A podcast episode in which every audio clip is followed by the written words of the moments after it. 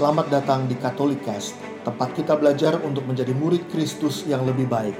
Katolikas bertujuan membantu kita semua untuk semakin berakar dalam iman pada Yesus, bertumbuh dalam persaudaraan dengan semua orang, serta berbuah dalam berbagai karya kasih demi gereja, bangsa, dan sesama. Katolikas berisi cerita kesaksian dan refleksi hidup sebagai pengikut Kristus, katekese iman yang relevan dan praktis untuk hidup sehari-hari, serta dialog topik-topik kekinian dengan berbagai narasumber untuk memperkaya hidup iman kita semuanya.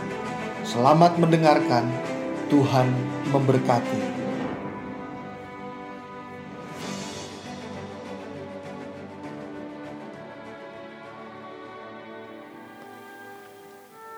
Kita jumpa lagi di dalam refleksi bacaan hari Minggu dan kali ini saya akan membahas refleksi dari Minggu 7 Maret 2021. Saya akan bacakan bacaan-bacaannya terlebih dahulu. Bacaan pertama diambil dari Keluaran bab 20 ayat 1 hingga 17. Di Gunung Sinai Allah berfirman begini, Akulah Tuhan Allahmu yang membawa engkau keluar dari tanah Mesir dari tempat perbudakan. Jangan ada padamu Allah lain di hadapanku. Jangan membuat bagimu patung yang menyerupai apa pun yang ada di langit, atau yang ada di bumi atau yang ada di dalam air di bawah bumi. Jangan sujud menyembah kepadanya atau beribadah kepadanya. Sebab aku Tuhan Allahmu adalah Allah yang cemburu, yang membalaskan kesalahan bapa kepada anak-anaknya, kepada keturunan yang ketiga dan keempat dari orang-orang yang membenci aku.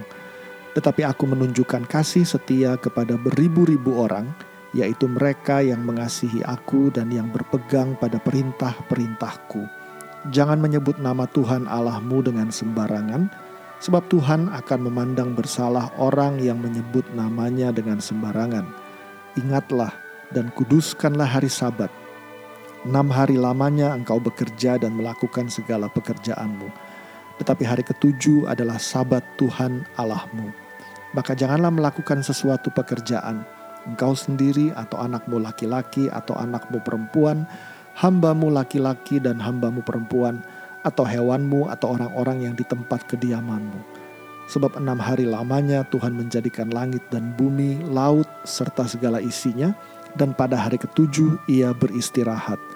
Itulah sebabnya Tuhan memberkati hari sabat dan menguduskannya. Hormatilah ayah dan ibumu supaya lanjut umurmu di tanah yang diberikan Tuhan Allahmu kepadamu. Jangan membunuh, jangan berzina, jangan mencuri, jangan bersaksi dusta terhadap sesamamu, jangan mengingini rumah sesamamu, jangan mengingini istrinya atau hamba sahayanya, lembu atau keledainya, atau apa pun yang dimiliki sesamamu. Bacaan kedua diambil dari 1 Korintus 1 ayat 22 hingga 25. Saudara-saudara, orang Yahudi menuntut tanda dan orang Yunani mencari hikmat, tetapi kami memberitakan Kristus yang tersalib. Suatu sandungan bagi orang Yahudi dan kebodohan bagi orang bukan Yahudi. Tetapi bagi mereka yang dipanggil, baik Yahudi maupun bukan Yahudi, Kristus adalah kekuatan dan hikmat Allah. Sebab yang bodoh dari Allah lebih besar hikmatnya daripada manusia, dan yang lemah dari Allah lebih kuat daripada manusia. Bacaan Injil diambil dari Yohanes bab 2 ayat 13 sampai 25. Ketika hari raya Paskah orang Yahudi sudah dekat, Yesus berangkat ke Yerusalem. Dalam bait suci didapatinya pedagang-pedagang lembu, kambing domba dan merpati, dan penukar-penukar uang duduk di situ. Maka Yesus membuat cambuk dari tali lalu mengusir mereka semua dari bait suci dengan semua kambing domba dan lembu mereka. Uang para penukar dihamburkannya ke tanah dan meja-meja mereka dibalikkannya kepada pedagang-pedagang merpati ia berkata, "Ambil semuanya ini dari sini. Jangan membuat rumah Bapakku menjadi tempat berjualan." Maka teringatlah murid-murid Yesus bahwa ada tertulis, "Cinta untuk rumahmu menghanguskan aku." Tetapi orang-orang Yahudi menantang Yesus katanya, Tanda apakah dapat engkau tujukan kepada kami bahwa engkau berhak bertindak demikian? Jawab Yesus kepada mereka, rombak bait Allah ini, dan dalam tiga hari aku akan mendirikannya kembali. Lalu kata orang Yahudi kepadanya, 46 tahun orang mendirikan bait Allah ini dan engkau dapat membangunnya dalam tiga hari? Tetapi yang dimaksudkan Yesus dengan bait Allah ialah tubuhnya sendiri. Sesudah Yesus bangkit dari antara orang mati, barulah teringat oleh murid-muridnya bahwa hal itu telah dikatakan Yesus. Maka percayalah mereka akan kitab suci dan akan perkataan yang telah diucapkan Yesus. Sementara Yesus tinggal di Yerusalem selama hari raya Paskah, banyak orang percaya dalam namanya karena mereka telah melihat tanda-tanda yang diadakannya. Tetapi Yesus sendiri tidak mempercayakan dirinya kepada mereka karena Yesus mengenal mereka semua. Dan tidak perlu seorang pun memberi kesaksian kepadanya tentang manusia, sebab ia tahu apa yang ada di dalam hati manusia. Teman-teman semuanya, hari ini kita diingatkan uh, oleh bacaan pertama tentang 10 perintah Allah. 10 perintah Allah ini mewakili Taurat menggambarkan bagaimana orang-orang di Perjanjian Lama hidup di bawah hukum. Tetapi kenyataannya, waktu mereka hidup di dalam hukum, hukum itu tidak membebaskan mereka dan menjadikan mereka orang benar, tetapi justru semakin memperlihatkan kebobrokan mereka. Karena waktu mereka berusaha hidup di dalam hukum, mereka gagal terus.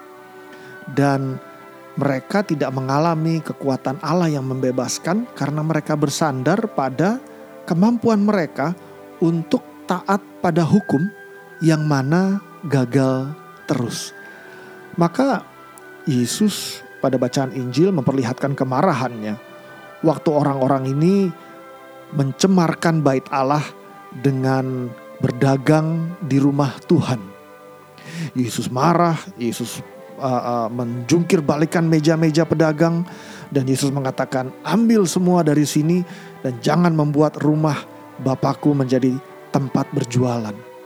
Artinya itu seperti sebuah simbol bahwa Yesus mengobrak-abrik bait Allah yang lama karena Yesus mau memperkenalkan yang baru.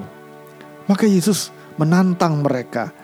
Yesus bilang ke orang-orang Yahudi, rombak bait Allah ini dan dalam tiga hari aku akan mendirikannya kembali. Orang-orang Yahudi itu bingung. Mereka bilang 46 tahun orang mendirikan bait Allah. Lalu engkau katakan bisa tiga hari. Lalu Yesus uh, uh, menjawab kepada mereka.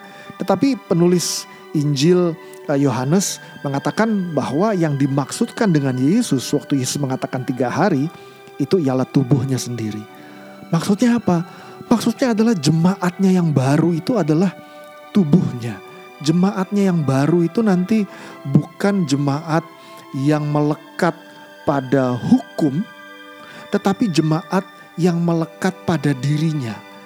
Kita tahu apa yang dilakukan oleh Yesus dengan tubuhnya. Ia membiarkan tubuhnya tersalib, tergantung di kayu salib sebagai tanda dan ungkapan bagaimana ia mencintai kita semua tubuh yang tersalib sebagai tanda kurban pemberian diri karena mencintai.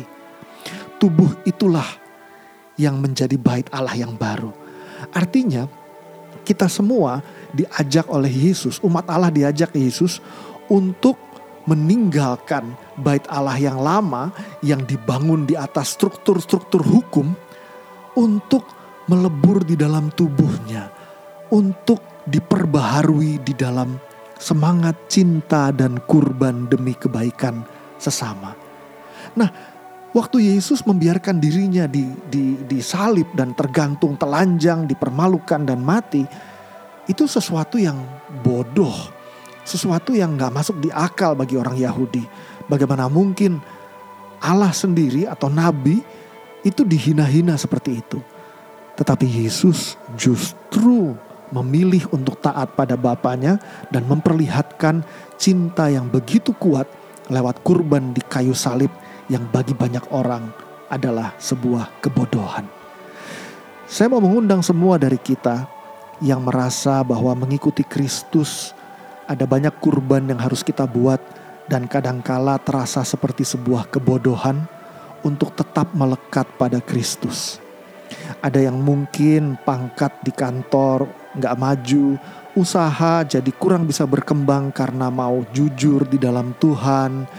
Pekerjaan mungkin jadi nggak menghasilkan uang banyak karena mau melakukan apa yang baik dan benar, yang kemudian di mata orang banyak seakan-akan bodoh. Tetapi teman-teman semuanya, pada bacaan kedua Paulus mengingatkan kita bahwa yang bodoh dari Allah itu lebih besar hikmatnya daripada manusia. Dan yang lemah dari Allah itu lebih kuat daripada manusia. Maka kalau hari-hari ini kita merasa bahwa pilihan kita untuk hidup benar atau untuk bahkan pantang dan puasa kadangkala terasa bodoh, tetaplah setia di dalam kebodohan itu.